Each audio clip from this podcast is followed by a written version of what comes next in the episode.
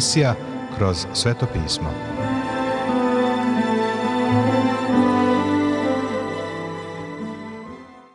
Dobroveče, poštovani slušaoci i dobrodošli u još jednu emisiju programa Kroz sveto pismo, programa koji je za vas napisao Vernon McGee, a pročitao Branko Bjelajac. Želimo vam prijetno i blagoslovljeno slušanje. Svi kažu teško pitaš kako ste Ko preživi taj pričace Na decu vrebaju, devojke prodaju Svi strahuju da izađu na ulicu Svi u problemima Pitaš se šta da radim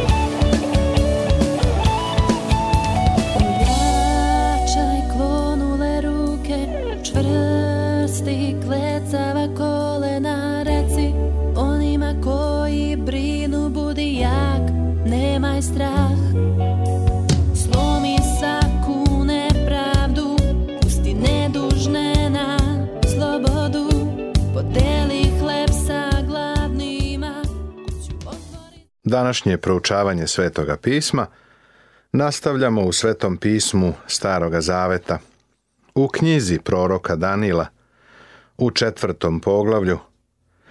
Od 20. stiha razmatramo temu Danilo tumači san. Danilo će biti otvoren prema Navuhodonosoru. U svom pristupu problemu je vrlo taktičan – Prvo, govori caru da želi da se san odnosi na njegove neprijatelje. Drvo što si video veliko i jako, kome visina dosezaše do neba i koje se viđaše po svoj zemlji, kome lišće beše lepo i rodobilan i na kome beše hrane svemu, pod kojim stanovaše zverije poljsko, i na granama mu seđa huptice nebeske. To si ti, care, koji si velik i silan. I veličina je tvoja visoka i doseže do neba i vlast tvoja do krajeva zemaljskih. Drvo predstavlja Navuhodonosora. Uzrastao je snažan i veliki. On je vladar sveta i zauzeo je tadašnji civilizovani svet. Ovde imamo sliku Navuhodonosora lično i njegove vladavine. A što car vide stražara i sveca, gde silažaše s neba i govoraše, posecite drvo i potrite ga, ali mu panj sa žilama ostavite u zemlji u okovima gvozdenim i bronzanim u travi poljskoj, da ga kvasi rosa nebeska i sa zverjem poljskim neka mu je deo dokle sedam vremena prođe preko njega. Ovo znači care i ovo je naredba višnjeg koja će se izvršiti na mom gospodaru caru. Drvo Navuhodonosor će se poseći ali se neće potpuno odbaciti. Sedam godina Navuhodonosor će živjeti kao zverje u polju. Čak neće shvatati ni koje. Bićeš prognan između ljudi. I sa zverima ćeš poljskim živeti. I hranit ćete travom kao goveda i rosa će te nebeska kvasiti. I sedam će vremena proći preko tebe, dokle poznaš da višnji vlada carstvom ljudskim i daje ga kome hoće.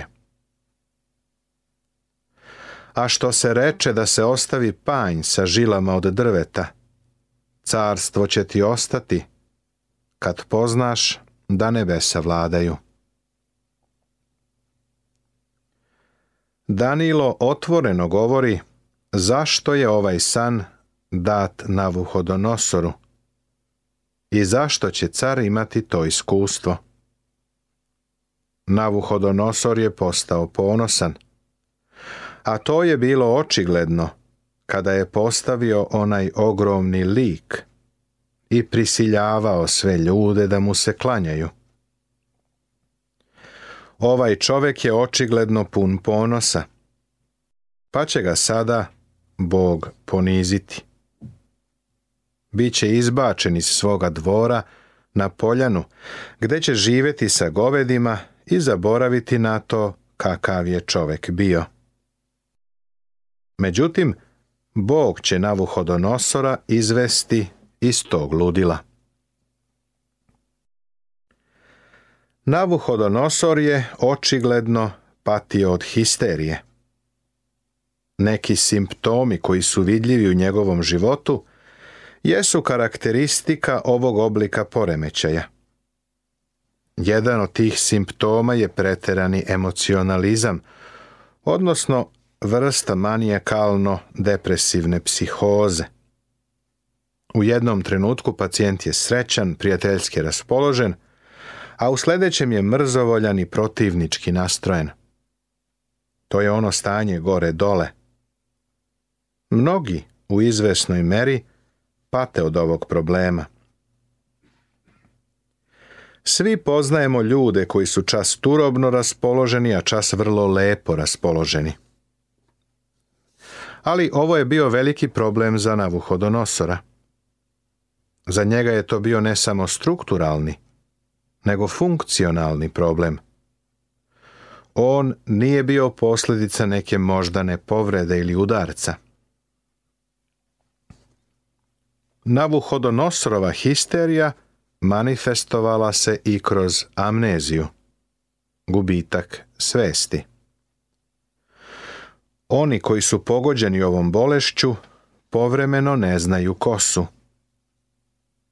U mentalnim ustanovama Postoje ljudi koji misle da su, na primjer, Napoleon ili neka druga ličnost. Navuhodonosor je mislio da je životinja. Druga stvar koja obeležava histeriju je ekstremni egoizam i ponos. To je postala Navuhodonosorova obsesija. Vidio ovome Danilo četvrto poglavlje 30. stih. Videli smo kako je u stihovima od četvrtog do desetog govorio o sebi. Stalno je ponavljao ja, ja, ja. Ponos je jedna od stvari koju Bog mrzi. I to je jedno od obeležja čoveka.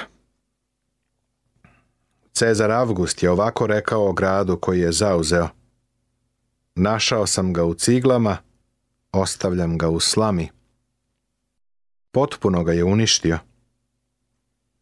Drugi Cezar je ovako rekao, Našao sam Rim u drvetu, ostavljam ga u mermeru. Vidiš, ponos je greh koji opseda ljude. Ali šta to čovjek ima na šta bi mogao da bude ponosan? Knjiga proroka Jeremije, deveto poglavlje, 23. 24. stih kaže – Ovako veli gospod. Mudri da se ne hvali mudrošću svojom, ni jaki da se ne hvali snagom svojom, ni bogati da se ne hvali bogatstvom svojim. Nego ko se hvali, neka se hvali tim što razume i poznaje mene, da sam ja gospod koji činim milost i sud i pravdu na zemlji, jer mi je to milo, govori gospod.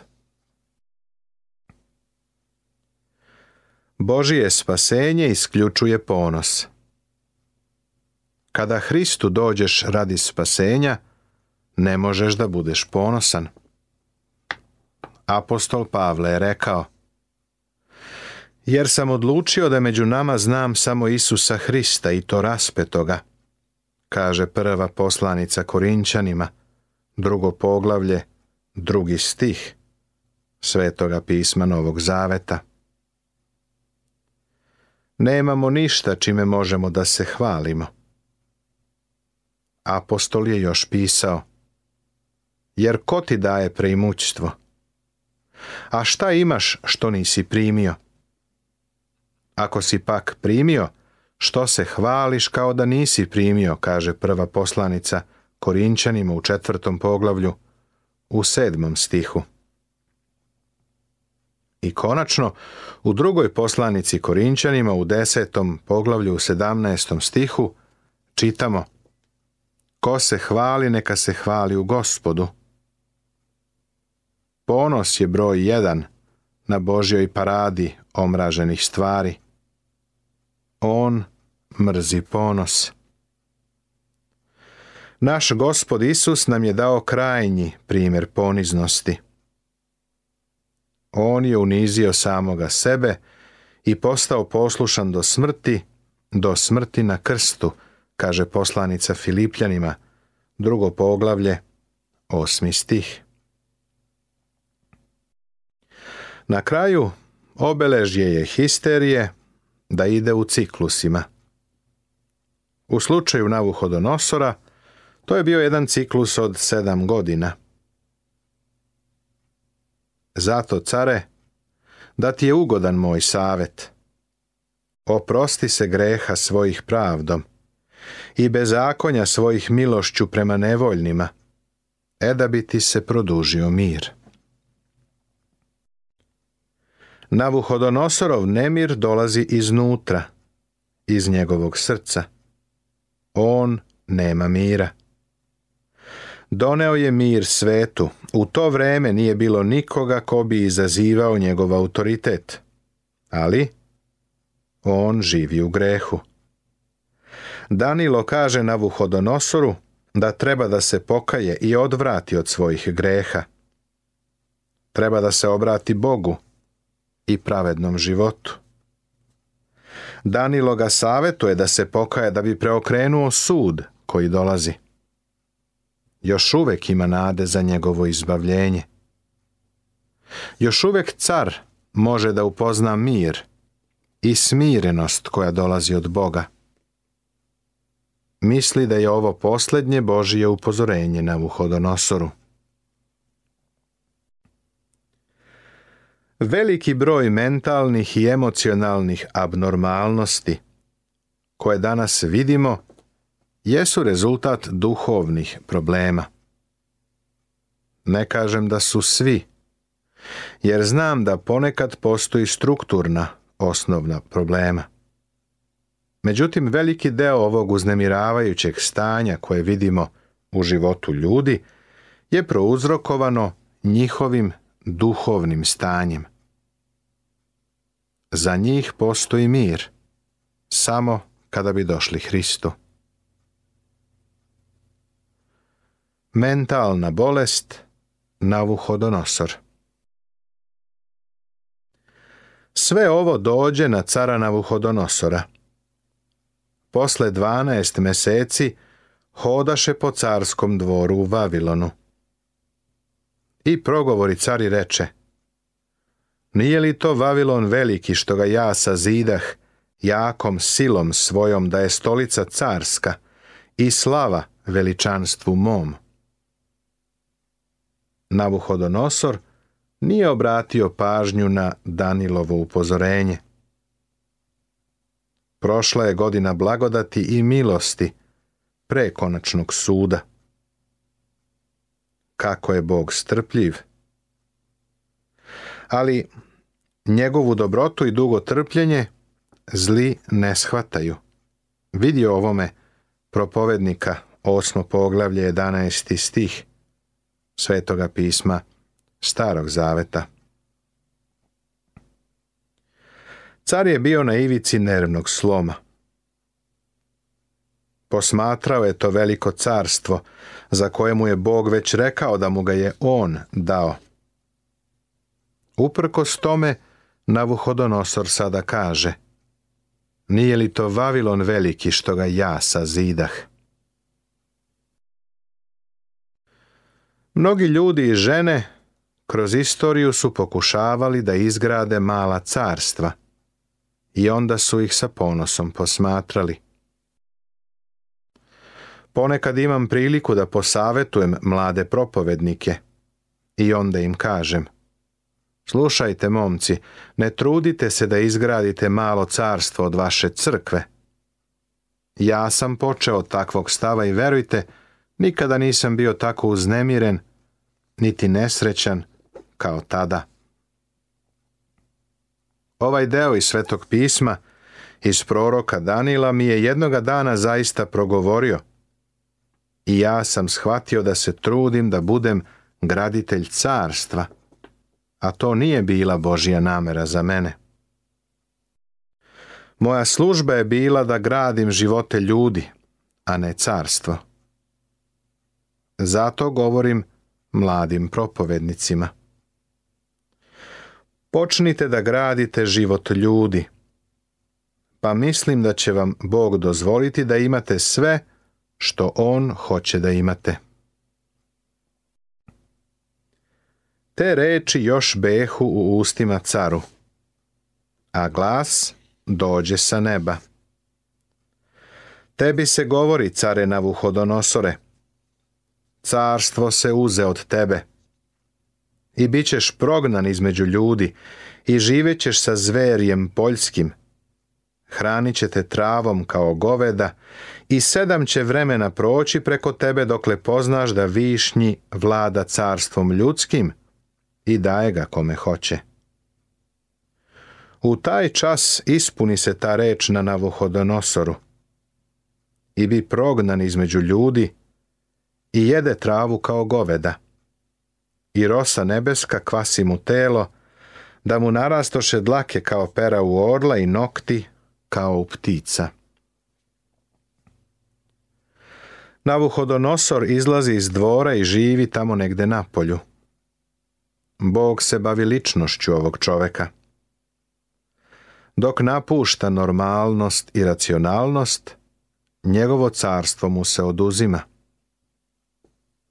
poremećeni ljudi toga doba bili su isterivani iz društva. Nisu bili slati na lečenje u institucije. Pod uobičajenim okolnostima, Navuhodonosor nikada više ne bi mogao da se vrati na presto. Ali, Bog mu je to obećao, kad nauči lekciju. Istorija potvrđuje ovaj događaj iz života Navuhodonosora – Dr. Philip Newell je naveo ovaj citat Alberta Barnesa. Josif pripisuje Berouzu, vavilonskom istoričaru, izveštaj o neobičnoj bolesti od koje je patio Navuhodonosor pre svoje smrti. San je ispunjen i Navuhodonosoru se obnavlja razum. Ali posle tog vremena ja, Nabuhodonosor, podigo hoči svoje k nebu, i um moj vrati mi se, i blagoslovih višnjega, i hvalih i slavih onoga koji živi do veka, čija je vlast večna i čije je carstvo od kolena do kolena. Razum mu se obnovio. I on sada ove kratke reči dodaje svedočanstvu koje je dao na početku ovoga poglavlja i svi stanovnici zemaljski ništa nisu prema njemu. I radi šta hoće s vojskom nebeskom i sa stanovnicima zemaljskim i nema nikoga da bi mu ruku zaustavio i rekao mu šta radiš. Navuhodonosor je sada naučio da Bog upravlja svim ovim i da kontroliše svemir. Navuhodonosor je prihvatio ono što mu je dato kao Božja volja i svoj ponosni um predaje njegovoj volji. To je ono što mnogi vernici danas treba da urade. U to vreme um moj vrati mi se i na slavi carstva mog vrati mi se veličanstvo moje i svetlost moja i dvorani moji i knezovi moji potražiše me i utvrdih se u carstvu svom i doda mi se više veličanstva. Sada ja Navuhodonosor hvalim, uzvisujem i slavim cara nebeskog, čija su sva dela istina i čiji su putevi pravedni i koji može oboriti one koji hodaju ponosito. Navuhodonosoru se vratio razum – obnovljen je na položaju cara i sada ga ponovo okružuju njegovi sledbenici. Carstvo nije bilo ugroženo tokom njegovog dugog odsustva. Dobio je i dodatnu slavu, jer je sada upoznao živog i istinitog Boga. Događaji koji su zabeleženi u petom poglavlju odigrali su se mnogo kasnije od onih iz prethodnog poglavlja. Ovo ponovo predstavlja list istrgnut iz istorijskih zapisa o Vavilonu. Veoma mnogo toga se zbilo od događaja opisanih u četvrtom poglavlju. Nastavit će se.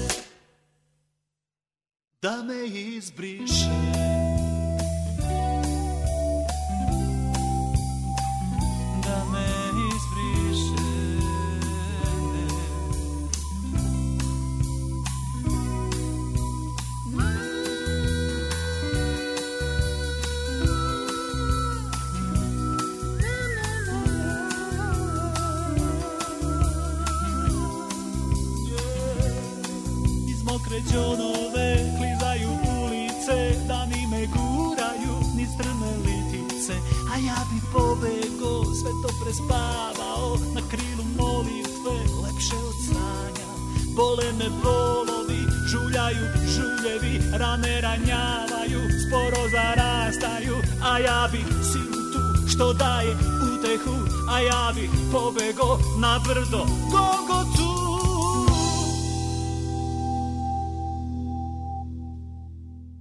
Poštovani slušaoci, završena je još jedna emisija iz serijala Kroz sveto pismo. Ovaj program možete da slušate svakog radnog dana na talasnoj dužini od 1548 kHz u vremenu od 22 sata do 22 sata i 30 minuta. Ukoliko želite da nam se javite, da nas pohvalite ili pokudite, da nam predložite izmene kojima bismo mogli da poboljšamo naš program, ali i da vas nagradimo kakvom dobrom hrišćanskom knjigom, Novim zavetom ili celom Biblijom – na raspolaganju su vam telefon, elektronska pošta ili obična pošta. Broj našeg telefona je plus 381 062 396 331. Adresa redakcije glasi Poruke, Poštanski fah 37 11060 Beograd. Elektronskom poštom nas možete kontaktirati na kroz svetopismo at gmail.com. Također, pripremili smo vam i web stranicu na kojoj možete pronaći sve naše programe. Adresa web stranice je www.twr.serbia.org. To bi za večeras sa naše strane bilo sve. Pozdravljaju vas i žele vam Boži blagoslov Branko, Nebojša i Monika. Laku noć.